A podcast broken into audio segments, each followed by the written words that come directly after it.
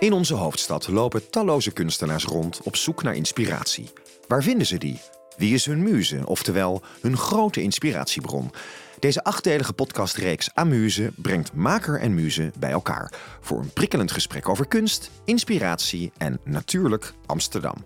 Mijn naam is Joris van der Zanden en de kunstenaar van vandaag bij Amuse is muzikale duizendpoot Elisha Amono Nijzer. Als zesjarig jongetje besloot hij zijn eerste noten te spelen in de kerk en heeft sindsdien zijn zinnen gezet op een carrière in de muziek. Van kerk naar de grootste podia van Nederland. De Amsterdamse Elisha deinst nergens voor terug. Toen we hem vroegen naar zijn muze, wist hij het meteen. Zijn grootste inspiratiebron is rapper en singer-songwriter Glenn Faria. Glenn begeleidt vele jonge muzikanten in hun carrière, waaronder ook Elisha. Daarom hier nu vandaag bij mij in de studio zijn aanwezig Glenn Faria en Elisha Amono Nijzer.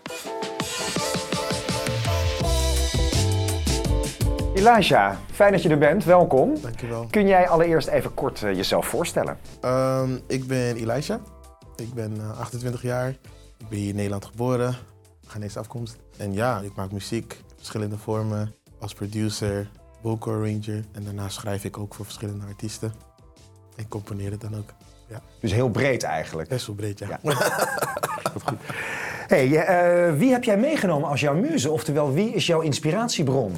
Nou, inmiddels een hele goede vriend van mij. Hij heet uh, Clef Faria. Ja. En kun je even wat kort vertellen wie Glenn is en wat doet hij voor de mensen die hem niet kennen? Glenn, ja, ja, mensen noemen ja, verschillende namen eigenlijk in de industrie. Sommigen noemen hem uh, de Godfather songwriters. Uh, oftewel een hitschrijver. Uh, maar daarnaast is hij ook gewoon vader. een hele goede vader. en daarnaast, ja, hij heeft verschillende liedjes geschreven voor heel veel artiesten. Carrières gemaakt eigenlijk voor artiesten met zijn muziek. Um, en ja, hij is gewoon best wel grote inspiratiebron voor niet alleen ik, maar ook heel veel verschillende muzikanten en songwriters en producers in de industrie eigenlijk. Dat eigenlijk. En waarom is hij specifiek voor jou zo'n grote inspiratiebron? Um, ik leerde Glenn in 2018 kennen. Uh, maar voordat ik dat helemaal uitleg, moet ik eigenlijk een klein beetje teruggaan naar de bron, zeg maar. ja, ik heb altijd soort van in mijn leven altijd uh, mensen, mensen gehad die me een soort van naar de volgende step of de volgende stap hielpen uh, nemen. Uh, zo is er een artiest bijvoorbeeld als Elvis E geweest, die me best wel lang um, meenam als muzikant. Um, heb je Dwight Dissels, Muriel Blijd. En in dit geval was het Dwight Dissels die mij dus meenam naar de studiosessie. Dat was mijn allereerste studiosessie. En daar leerde ik dus Glenn dus kennen. Want die sessie was dus met hem. En toen was ik best wel gefascineerd door zijn werkwijze om echt snelle keuzes te maken en heel snel in te zien wat wel en wat niet werkte, zeg maar. Dus ja, ik had nog nooit zeg maar, een studiosessie meegemaakt en toen kwam ik daar binnen. En meestal als ik, als ik iemand niet echt goed ken, um, dan kies ik ervoor om te observeren eigenlijk. En kijken hoe diegene werkt. En dan eigenlijk ja, stiekem te kijken naar de zwaktepunten en dan van daaruit dan mee te doen. en zo um, wist ik, oké, dus dit is dus nodig, dit is dus nodig. En toen, ja, toen ging ik daar dus dan, uh, uh, ja, eigenlijk, als het iets was wat ik wel kon, dan zou ik dat dan doen. En toen op een gegeven moment uh, leerden we elkaar kennen en hebben we altijd samengewerkt sindsdien eigenlijk. Dus hij heeft je ook een beetje op sleeptouw meegenomen in de wereld van muziek? Zeer zeker. Het, is, het verbaasde me op het begin, omdat in eerste instantie vond ik het super aardig um, dat hij, um, ja, hij, hij herkende gewoon dat ik een bepaald talent had. Maar daarnaast um, ging hij me ook echt aansporen om meer te doen. Uh, hij was ook van, was eigenlijk ook de eerste die zei van oké, op een gegeven moment van oké, is genoeg, je gaat vanaf nu gewoon je laptop meenemen. Omdat ik vaak eigenlijk gewoon in de, in de studio fungeerde als componist.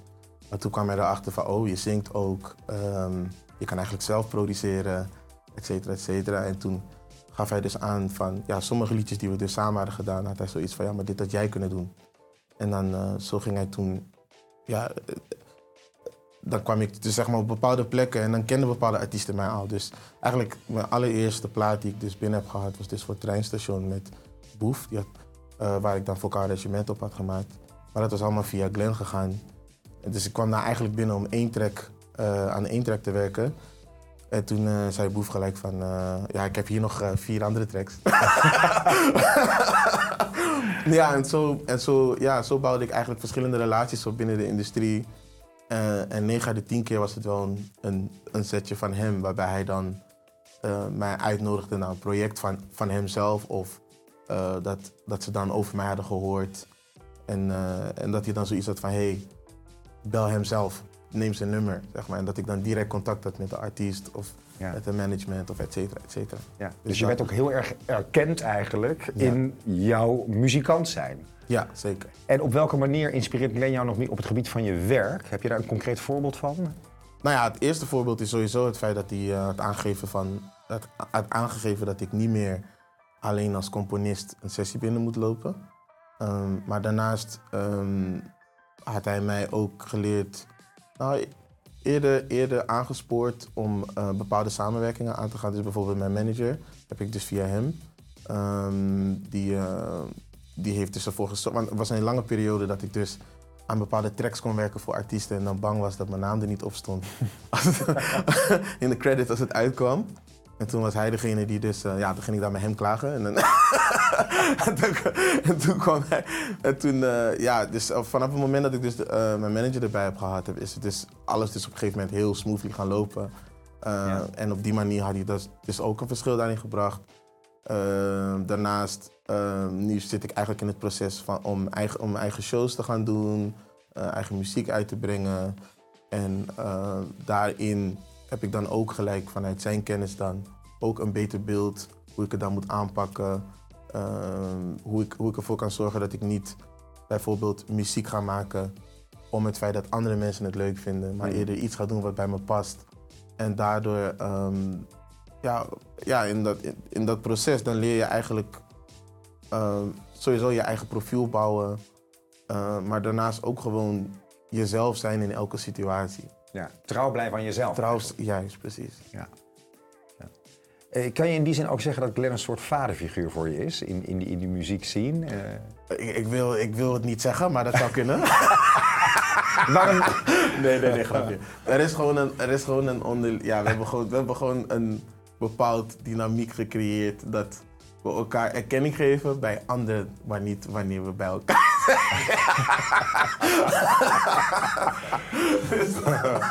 niet als je bij elkaar bent. Niet als je bij elkaar bent, nee, nee, nee. Waarom niet? Omdat, nou ja, ondanks het feit dat Glenn een heel serieus persoon is, is hij ook iemand die gewoon. die, die, die je wel kan herinneren van, zie je wel, je vindt me wel tof. nee, maar het is gewoon allemaal grappende wijze. We maken gewoon echt super veel grappen erover. Maar het is wel een grap die je dan wel opnieuw kan horen, zeg maar. Ja. is dat gewoon. Welkom Glenn. Leuk om er te zijn. Fijn dat je er bent. Zou jij je kort voor de mensen die jou niet kennen toch even willen voorstellen? Eh, ik ben Glenn Faria, geboren getogen in Amsterdam. Eh, inmiddels, ah, moet ik mijn leeftijd zeggen? Ja, gewoon dit. Inmiddels 43 jaar. Pff. En eh, een beetje, een, beetje een, een, een duizendpoot in de muziekindustrie. Dus af en toe eh, ben ik songwriter, af en toe ben ik zelf optredend artiest, af en toe ben ik een, vergeer ik als ENR. Ik vind dat een hele gekke term altijd. Ehm, ja, en gewoon ehm, ik, ik help veel artiesten met, met waar, ze, waar ze terecht willen komen. Zoals onder andere eh, Elijah. Ja, Ja, zeker. Je zit hier omdat Elijah jou heeft uitgekozen als inspirator. Wat vind je daarvan dat hij jou heeft uitgekozen als zijn inspiratiebron? Dat is een hele eer, want, want in principe werkt het zo voor mij dat we elkaar inspireren. Is dat. ehm, ja, dat. Dus we, we inspireren eigenlijk elkaar. Dus dat is voor mij een hele eer dat hij dat, eh, dat, hij dat zegt. Het had andersom ook gekund. Ik had hem ook eh, uitgenodigd als, als je me had gevraagd eh, wie heeft mij geïnspireerd. Is dit ook een jongen die mij echt wel heeft geïnspireerd. En op welke manier heeft hij jou dan geïnspireerd? Eh, hard werk. Vooral hard werk.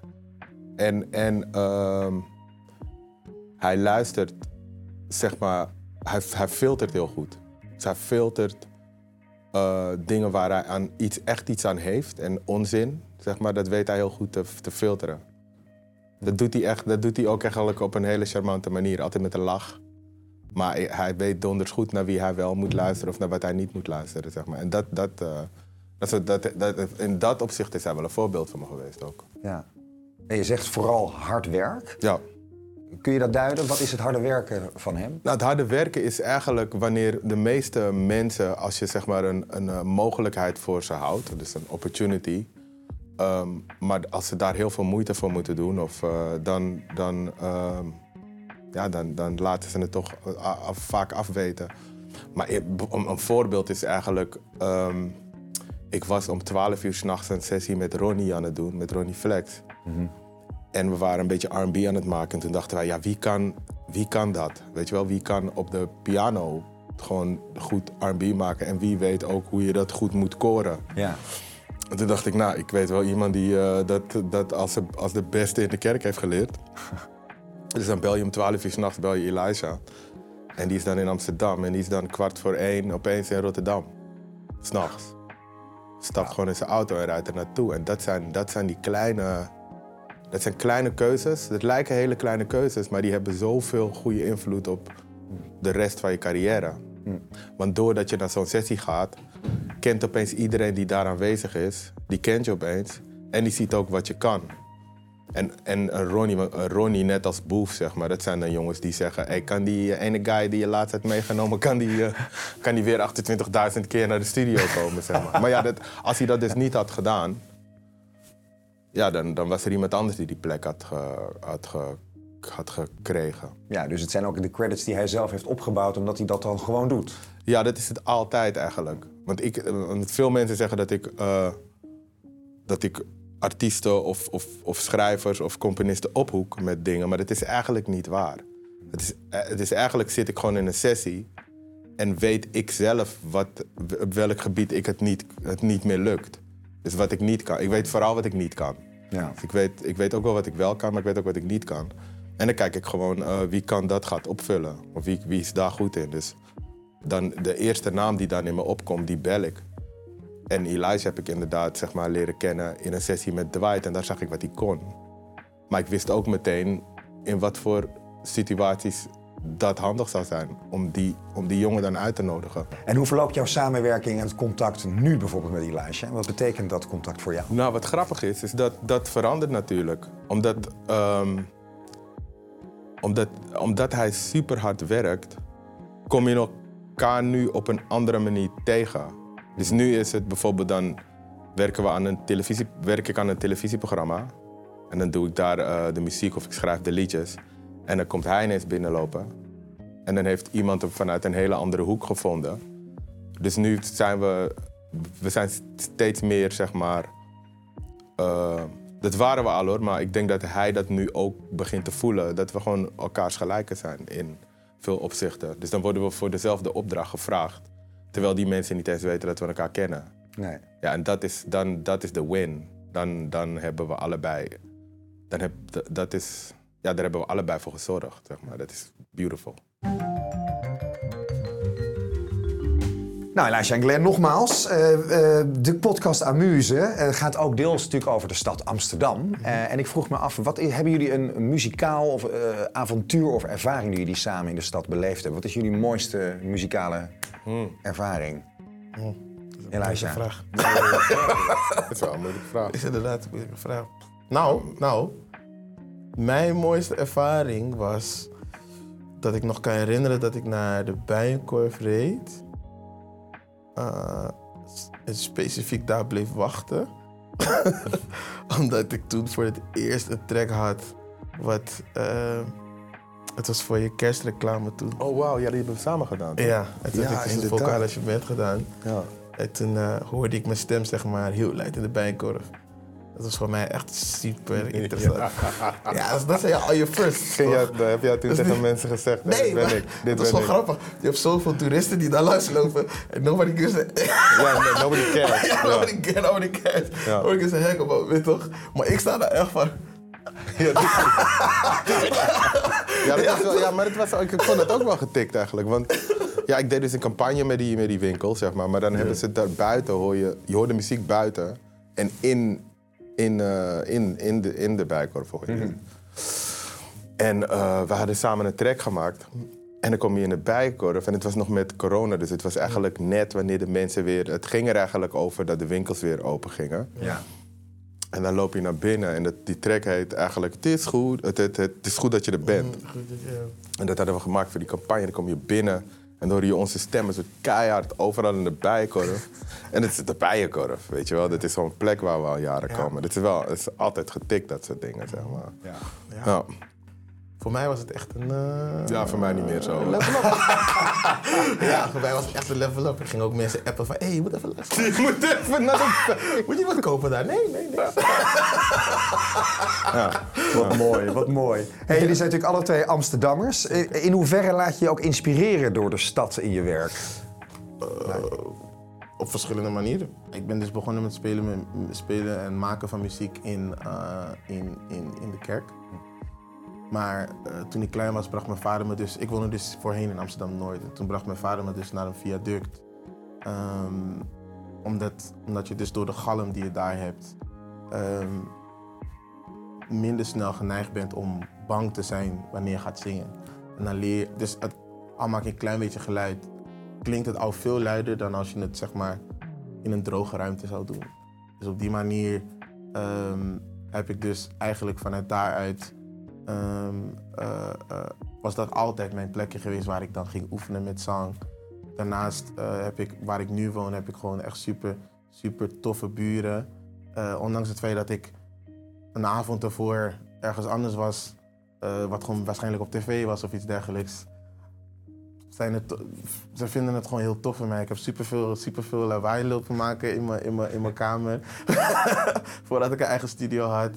En, eh, maar ja, ze zijn altijd super supportive geweest naar mij toe.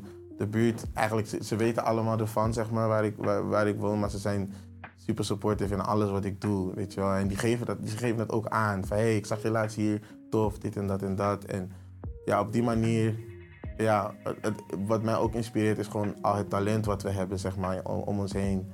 Ehm, het, het, het is gewoon super mooi om te zien dat je jongeren gewoon op verschillende plekken hebt die misschien niet dezelfde kansen hebben als anderen. En dat ze toch nog de creativiteit eh, ja, eh, op, op zo'n niveau kunnen, kunnen, kunnen benutten. Ja, het is gewoon heel Ja. tof.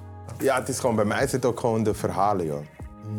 Dus de, ver- de, de, de- gewoon de buurt waar wij zijn opgegroeid, eh, Amsterdam Zuidoost, zeg maar, dat heeft zoveel verhalen, joh. Dat is, het is zeg maar een oneindige, oneindige soort gang aan verhalen waar je zeg maar, uit kan vissen van, ieder- van, van onszelf, maar ook de mensen om ons heen. Iedereen, iedereen die je tegenkomt heeft een interessant verhaal. Mocht het alleen al zijn dat het het tweede land is waar je woont Ja. zeg maar. Of, eh, of eh, ja, wat er gebeurt als er een, als er een, zeg maar, een groep mensen, eh, vooral in de jaren negentig, eh, in een soort isolement, in een soort bubbel, een bubbel in een stad die onbereikbaar is, zeg maar. Dus, dus er komt niet veel daar naartoe en er gaat ook niet veel eruit, zeg maar. En wat er daar in die bubbel allemaal gebeurt, Ja. ja, dat is super, dat is super interessant. Hoe creatief, hoe cre- creatief je wordt. Ja. Zeg maar, de- eh, een, een, een praktisch voorbeeld is Snodder. Ja. Snap je? Omdat er geen taxis kwamen, dan moet je zelf als, als gemeenschap iets bedenken. Dat, dat, dat, zit, de, die, de- dat zit heel erg in, in Amsterdam Zuidoost, die creativiteit, zeg maar. Ja. En heb je ook een, eh, een, een ander recent verhaal dat jou daarin erg aansprak? Ehm, ja, dit, de, de, de reden dat ik daarover na moet nadenken is dat er zoveel verhalen zijn, zeg maar. Maar ehm, ja, ja nou, dat- wat mij aanspreekt is zeg maar. ehm, Oké, wat mij heel erg aanspreekt in Amsterdam Zuidoost is dat ehm, ik, ik kom uit een buurt en ook uit een tijd waarin zeg maar eh, jongeren van een bepaalde leeftijd ehm, eigenlijk, ehm, eigenlijk kansen voor hun voeten weggehaald worden. Dat heb ik ook in levende lijf ook meegemaakt, zeg maar. Ehm, al, al is het alleen maar omdat kinderen te laag gedetermineerd worden. Dus dat een schoolleiding tegen een jongen die eigenlijk HAVO-VWO eh, verstand heeft... ehm, LBO moest doen, zeg maar. En dat dan een hele generatie. Dus, dus twee generaties achter elkaar jongens die te laag gedetermineerd worden. Die vervolgens in een, in een klas komen die waar ze niet uitgedacht worden, dus op andere manier eh, iets met die, al die energie moeten gaan doen, zeg maar dat. Maar ook eh, eh, een buurt waar een heleboel jongens opgroeien, eh, zeg maar met een, met, met, een, met een ander gezin dan hoe je het in een, in een film zou zien, zeg maar. Mhm. Eh, ehm, dus dus ik, had, ik heb een gesprek gehad met verschillende. Nou, ik had een gesprek gehad met Hydro, zo heet hij. En dan- want, want er was ooit een filmpje uit dat hij tegen Elvira Sweet tekeer ging. Eh, dat hij tegen haar zegt: Nooit kom je hier en nu denk je dat je het recht hebt om, om opeens over deze buurt te beslissen. En dan was hij heel boos en dan gingen mensen gingen hem eh, zeg maar benaderen: van ja, je kan niet zo met een, met een volwassen vrouw praten. En mensen die, die, die veroordeelden hem eigenlijk. Waar ik dacht: Maar weet je waarom hij boos is, zeg maar? Weet je, heb je enig idee waarom, waarom hij boos is? Want dat heeft niemand hem gevraagd. En dat heeft mij heel erg geïnteresseerd. Ge, ge- ge- dat heeft mij eigenlijk best wel geïnspireerd om een nummer daarover te schrijven. Ja. Zeg maar. Dus, dus dat soort situaties trek ik dan. Ik, ik, ik raak daardoor geïnspireerd, hoe erg ik het ook vind. Maar het verhaal is super interessant. Hoe komt het dat die jongen boos is? ja. Dan komt het dus kan, door kansenongelijkheid. Ja, zeker. Ja. 100 procent, zonder meer. ja. En waarom is die kansenongelijkheid er, denk jij? Ik heb geen idee. Nee. Ik had gehoopt dat het er niet was. Maar het is, het is zeg maar iets waar ik gewoon mijn hele leven eh, van bewust ben. Ja. Om, omdat ik het om me heen zie. Ehm, en waardoor ik ook soms eh, ervan baal dat eh, leeftijdsgenoten of peers eh, eh, verkeerde keuzes maken. Ja. Waar, waar ze eigenlijk niet eens het idee van hebben dat het een verkeerde keuze is. Het is gewoon iets wat, wat veel om zich heen gebeurt. En ze, andere keuzes worden niet eens voor hun voeten neergelegd, zeg maar. Dus, eh, dus dat zie ik heel erg. En, dat, en die struggle, dat inspireert eigenlijk mij heel erg. Eén, om de andere kant te kunnen laten zien aan, die, aan, aan mensen van... Hey, je kan uit die buurt komen en je kan in deze situatie opgroeien... en nog iets van je leven maken. Ja. Maar ook de verhalen vind ik super interessant om te vertellen aan een groep mensen die niet binnen die bubbel zijn opgegroeid. ja. Herken jij in dit verhaal, Elisha? Zeer zeker. We hadden er laatst nog een, eh, een bepaald gesprek. Een, een, gesprek. we hadden een eh, opname toen bij uh, Omroep Zwart. Ja. Toen hadden we, het, hadden we het eigenlijk al over eh, de manier hoe we kijken naar eten bijvoorbeeld. Ja. Ehm, Oh ja. Hoe je kijkt naar de manier van? De manier hoe je bijvoorbeeld kijkt naar eten. Oké, ja. Eh, omdat... eh, Oh ja, dat voor mij- lievelings. Wat ja. is je lievelings? Ja, eh, ik, kreeg dus, de- ik kreeg dus de vraag van, wat is je lievelingseten? Toen dacht ik van, ja, ik heb het eigenlijk niet. Ja. Bij mij was het gewoon zo dat als jij, als jij, als je, ja, als je wat kreeg, dan moest je gewoon dankbaar zijn dat je het had. Ehm, en dat is, eh, is geen geheim, want het was, het kwam niet per definitie uit een welvarende familie eigenlijk. Ja. Eh, dus ik heb die associatie niet, zeg maar, om echt heel kieskeurig te zijn in wat ik eet. Dus toen, en, toen, en toen ging die vraag dus rond. En toen, Ja, waren er opeens meerdere van. Oh ja, inderdaad. ja. Ik, weet, ik heb altijd ook altijd dat Alle jongens uit Amsterdam Zuidoost dezelfde doen. hadden geen lievelingseten. Maar omdat je Maar- daar helemaal niet mee bezig bent, je lievelingseten. Maar- je moet gewoon eten. Ja, en als ik dat eigenlijk link aan hoe wij, hoe wij eigenlijk nu bewegen. En dan aan de ene kant werkt het ook weer inspirerend, omdat ik dan nu eigenlijk net tot het besef kwam, zeg maar, hoe wij eigenlijk kijken van de deur op een kiertje zetten en Ja. iemand anders dan ook de kans geven om bepaalde dingen te doen. Omdat je eigenlijk zelf ook kan verplaatsen in het niet hebben, zeg maar. En dan is het heel makkelijk om die, om die plek dan te delen met anderen. Eh, en, dat, en dat komt ook voort uit Ja. eh, uit diezelfde situatie. Ja, waar je het, waar je het zeg maar, in andere bevolkingsgroepen ehm, vanuit het gezin gebeurt. Ja. Dus vanuit, eh weet ik veel, iemands vader heeft een huis gekocht. En dat, dat gaat dan over naar de volgende generatie. Of je, je leert van je ouders alles over een hypotheek en sparen en allemaal dat soort dingen. Zijn wij meer bezig met, nu, de, zijn wij zeg maar misschien de eerste generatie die dat soort dingen aan onze kinderen gaan leren. Maar ook, wij moeten het dus onderling ook aan elkaar laten zien. En met elkaar, eh, en elkaar die kansen geven. En, eh, Met elkaar ook leren. en elkaar ook leren, zeg maar. Ja. Ja, dat, en, en de- dat hele, ja, gewoon die hele, dat hele blok vind ik super interessant. Ja. Hebben jullie zelf ook kansenongelijkheid ervaren in bijvoorbeeld de muziek?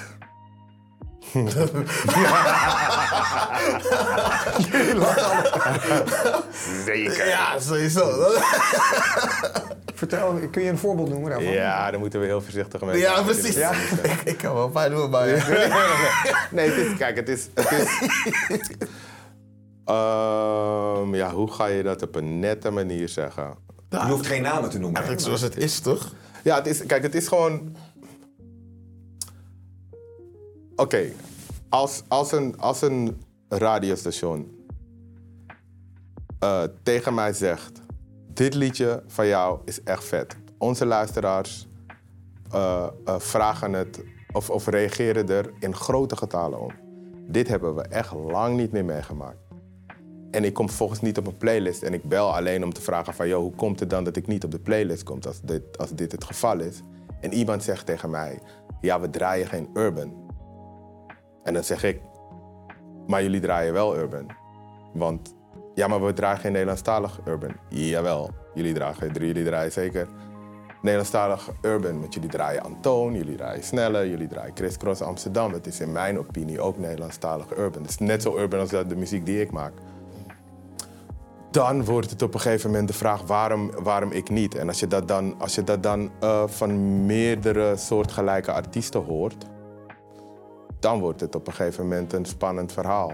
Want dan ga je, vragen, dan ga je afvragen waaraan ligt dit. Ja. En is dit dan een kansongelijkheid of is dit uh, iets wat ik in mijn hoofd verzin? En dit, en dit, ja, dat gebeurt met, um, gebeurt met redelijk veel artiesten. Het is heel gek dat, dat um, je eigenlijk op, op een radiostation als Phonics hoor je dus eigenlijk de muziek die onder de jongeren eigenlijk de grootste muziekstroom is. Eigenlijk wereldwijd Ja. de grootste cijfers pakt. Urban uh, is uh, in de, op, in de, op de wereld de grootste muziekstroming.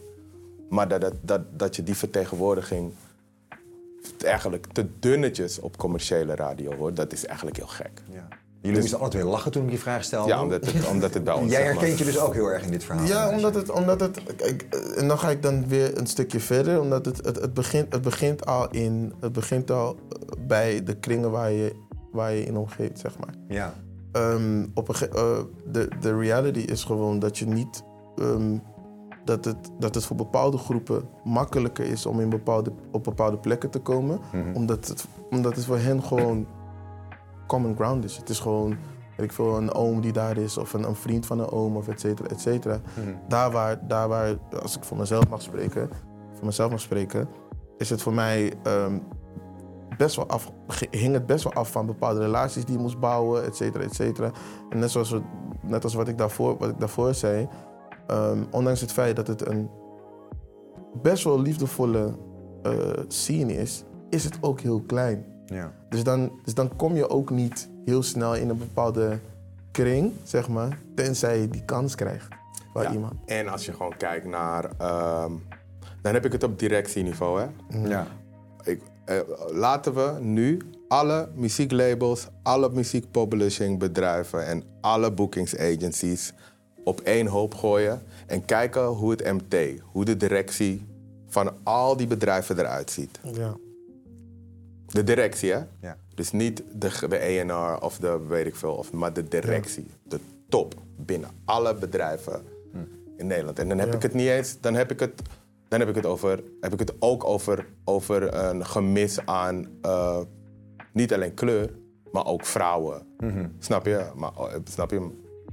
Het, is allemaal, het zijn allemaal mannen die in principe bij elkaar in de klas hebben gezeten, kunnen, die in de klas konden zitten in de, en vanuit dezelfde buurt. Ja. En dat is nu nog steeds zo, anno 2023. Er is geen verbetering zeker. in gekomen. Zeker. Ja, je, ja, je merkt het gewoon in verschillende dingen. Dus het is wel, het is wel, het is wel op ENR-niveau, dus, dus, dus op, eh, dan heb je directie en de groep daaronder, daar zit zeg maar wel, eh, daar begint men, het begint een beetje op te vallen, Ja. zeg maar als je de bedrijfsfoto's ziet, zeg maar. Maar eh, op directieniveau is er niet zoveel veranderd in Nederland. Ik zou het wel willen hoor. En dan heb ik het ook over de te- televisiewereld en over de radiowereld. Het is eigenlijk overal. Hè, denk ik. Ja. Ja.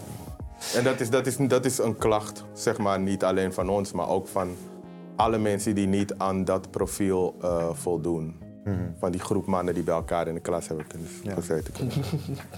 Ik vond het heel inspirerend wat jullie zeiden over die klassenongelijkheid en gelijke kansen. Hoe vinden jullie dat Amsterdam het doet op het gebied van gelijke kansen? Als je het vergelijkt met, eh, ik weet niet of je dat kan ah, duiden hoor, andere steden of andere landen? Ja, ik, ik, weet, ik weet te weinig over. Ja, daar weet ik ook iets te weinig Ik over, weet wel, dat, ik weet wel dat, dat, er een verschil, dat er wel een verschil is als je kijkt naar Amerika, eh, Zeker. Frankrijk, Zeker. eh, ehm, Duitsland misschien ook, maar weet ik niet.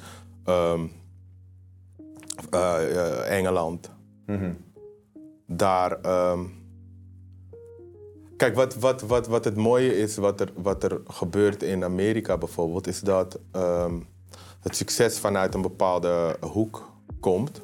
En vanuit die groep succesvolle mensen worden er grote managers en grote eh, bedrijfsleiders en directeuren naar voren geschoven. Dus die komen echt uit de, komen, komen echt uit de community.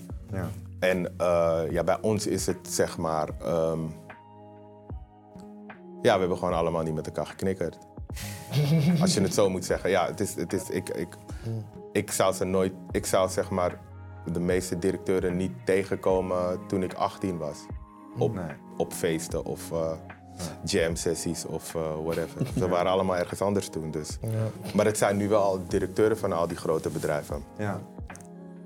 Ehm Elijah, eh, jij hebt aangegeven dat je Glenn als een soort vaderfiguur ziet. He- geeft hij Glenn, als het over dit thema gaat bijvoorbeeld, heeft hij jou daar ook in geadviseerd op het gebied van eh, eh, kansenongelijkheid?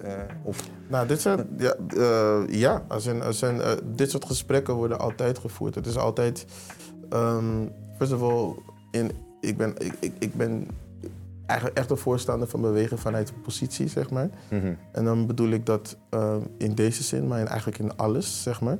Dus om, zoals ik al zei, om heel erg bewust te zijn van wie je bent, eh, hoe je bent en wat je dus te bieden hebt. En op die manier hebben we dat dan ook, eh, is het, nou, als je dan vanuit een marketingperspectief bekijkt, dan kan je, kan je er niet omheen. Dus dan ga je sowieso ook aan dat denken. En dan ga je kijken van, oké, welk publiek, et cetera. ehm, eh, Wa- ja, waar, waar wordt dit gedraaid? Ja. Als je, eh, et cetera, et cetera. En dan, ja, eh, first of all, dan wordt jouw publiek duidelijk. Maar daarnaast wordt ook duidelijk, oké, dus dit is aan de hand, dit is aan de hand. En dan heb je, daar, hebben we daar natuurlijk ook gesprekken over. Want, als je, want ik weet nog dat ik voorheen, eh, dus voornamelijk door Elvis E, dus heel veel theatershows deed. Ehm, en toen besloot ik op een gegeven moment, ik wil echt de popscene ingaan. En in dat traject leerde ik dus Glenn kennen. Ehm, en, daar en toen leerde ik gelijk ook de verschillen zien. Omdat ik dan bijvoorbeeld, en, eh, ja, ik kom, zoals ik, ik, ik kom dan uit een muzikale hoek, weet je wel. Van oh, dit is een tof nummer, ja, laten we dit maken, laten we dit uitbrengen. En dat, ik, ik heb dat, dat hebben we zelf meegemaakt met het album, et cetera, Ja. en, en meerdere dingen. Dat we dan, dat er een versie is van een nummer die, die we dan hebben gemaakt, of die hij heeft gemaakt, waarvan ik denk, ja, dit had je uit moeten brengen. Maar dat hij dan, dat hij dan ja, omwille de situatie of eh, de, de punten die hij terugkreeg van een, van een, van een, eh, ja, van een organisatie, dat hij dan zich moest aanpassen. Ja. Weet je wel? En ja, dus daar hebben we, daar, obviously heb je daar gesprekken over van nee, ik vind dat je dit gewoon uitbrengen. Weet je wel? Ja. Maar ja, Hebben jullie hoop dat dat ooit gaat verbeteren als het gaat over kansenongelijkheid? Zeker wel. Zeker Het wel. is, het is nu, het is aan het verbeteren. Ja. Ik denk gewoon dat, ik denk gewoon dat eh, kijk, mijn zoon maakt ook muziek. Ehm, en ik denk dat zijn generatie Ja. eh, ook weer in, zijn generatie gaat zorgen dat hun kinderen Juist. in een hele andere wereld Ja. terechtkomen dan wat we, dan waar we nu zitten. En, en wat het ook is, is dat ehm, je moet altijd in de gaten hebben wat jouw brand is. ja. En dat heb ik, dat hebben, daar hebben we het vaak over. Ja. Dat ik tegen Elijah zeg, ja, maar er is gewoon niemand in Nederland die precies kan wat jij kan. Ja. Dus dat, is, dat kan niemand je afnemen. Zeg maar. en, dat, daar, en, en hetgene wat je kan, daar is gewoon vraag naar. Ja. Dus laten we zeg maar alle verhalen over kansongelijkheid even aan de kant zetten. En laten we gewoon kijken wat we met eh, het materiaal wat we, wat we sowieso in ons hebben, wat we daarmee kunnen creëren. Want daar blijft vraag naar. Er moeten nummers geschreven worden. Er zijn Er worden televisieprogramma's gemaakt die zoeken naar een bepaalde sound. Er worden musicals gemaakt die zoeken naar een be- bepaalde sound. Ja, ga dat zoeken dan. Ja. Ga de mensen zoeken die dat kunnen maken. Dan komen ze sowieso wel bij. De mensen terecht die de real version ervan kunnen maken. En zolang we dat in ons achterhoofd blijven houden, Ja. Zorgen wij er dus voor dat er eigenlijk dat het woord kansongelijkheid niet meer gebruikt wordt. Ja. Dat. Er is gewoon niet een tweede Elijah. Ja, jongens, ik, ik kan nog uren naar jullie luisteren. Willen jullie nog iets tegen elkaar zeggen? Of hebben jullie nog een laatste boodschap? nu maak je het opeens heel awkward. nou ja, waarom? Bedoel... hey, ga zo door, jongen. Maar ook echt dat had je ook. Niet stoppen met wat je aan het doen bent. Ik vond het zo mooi. Jullie hebben elkaar geïnspireerd. Ja. En we zitten hier nu die podcast met elkaar Ja. eh, eh, te maken. Eh, en ik hang aan jullie lippen. want Ik vind het heel inspirerend. Dus volgens mij is er zeker wel iets wat jullie nog tegen elkaar kunnen zeggen, toch? Ja, nou, ik, denk- ik denk, nou, wat, ik, wat, wat, ja, wat, wat voor jou belangrijk is, is, vind ik dat gewoon. Ik vind, ehm, ik denk dat jij nog, nog puur alleen maar in het begin staat van, wat, van, je, van je mogelijkheden, zeg maar. En ik denk dat wat je, wat je met jouw skillset kan, dat het veel groter is dan Nederland, maar dat het eigenlijk, zeg maar, overal op de wereld, dat er overal op de wereld vraag naar is. Dus op een gegeven moment kunnen jullie Elijah niet meer uitnodigen, jongens. dat is wat er gaat gebeuren. Dus dat denk ik 100% Ja. zeker. Ja, wat zou ik willen zeggen? Ja, je moet ongeveer hetzelfde tegen. Het moet ook mooi zijn, dat hè? ook, ook, Ja, ook, nou, over, ook over de hele wereld. Nou, e- eigenlijk, eigenlijk, het enige wat ik zou willen zeggen is. ehm, ja, dus ik zou, niet, ik zou niet advies willen noemen. Maar, Ja, nee, doe maar, doe maar. Ik ben wel benieuwd. Nou, als, in, als in, misschien ben je er wel bewust van, maar misschien niet echt heel erg bewust van de impact van die ene uitnodiging of die ene sessie die je wel bijwoont of kleine advies die je net had gegeven waarvan je dacht van oh nee, ik zag gewoon wat ik dacht. Ehm, en, en, en, en, en dat je dat misschien niet ehm, lightly moet nemen. Dat je dat zeg maar, dat je, dat je eigenlijk moet beseffen de misschien even een keertje zitten en gewoon nadenken van, hey, Ja, eigenlijk... 100, 100, En ja. dan even beseffen van, hé, oh, die guy speelt eigenlijk niet daar. Je, ik was, net als die telefoontje waar we het over hadden, dat jij gebeld werd. Oh, ja, die gaat in het buitenland werken. Toevallig Ja. had ik je daarna gebeld. Hé, hey, ik ga, naar, Ja, ik ga met die grote producer werken. ik Dus nu word, ik, nu, word ik de, nu word ik de hele tijd door deze guys gebeld. Dus al die jongens die, die zeg maar zeggen: hey, ik ben nu in New York. Hey, ik ben nu in LA. Ik ben nu... En ik zeg: Ja, jongens, hallo. eh, krijg ik wat er die tickets van mij gekomen? Een. Nee, maar Ja. ik, vind dat, ik vind het alleen maar tof om te zien. Ja. Maar het is wel, je hebt wel gelijk in, het wordt ook vaker tegen me gezegd hoor. Dat ik af en toe gewoon moet zitten. Ja. En je moet realiseren En je dat je van grote betekenis bent. Ja, nee, 100. Ja. Ja. Het is moeilijk te zeggen voor jezelf, tegen jezelf, toch? Ja. Dat heb jij ook. Ja. Ja. En jongens, ik wil jullie heel erg danken voor een heel mooi gesprek. Dank je wel. Ja, graag gedaan man.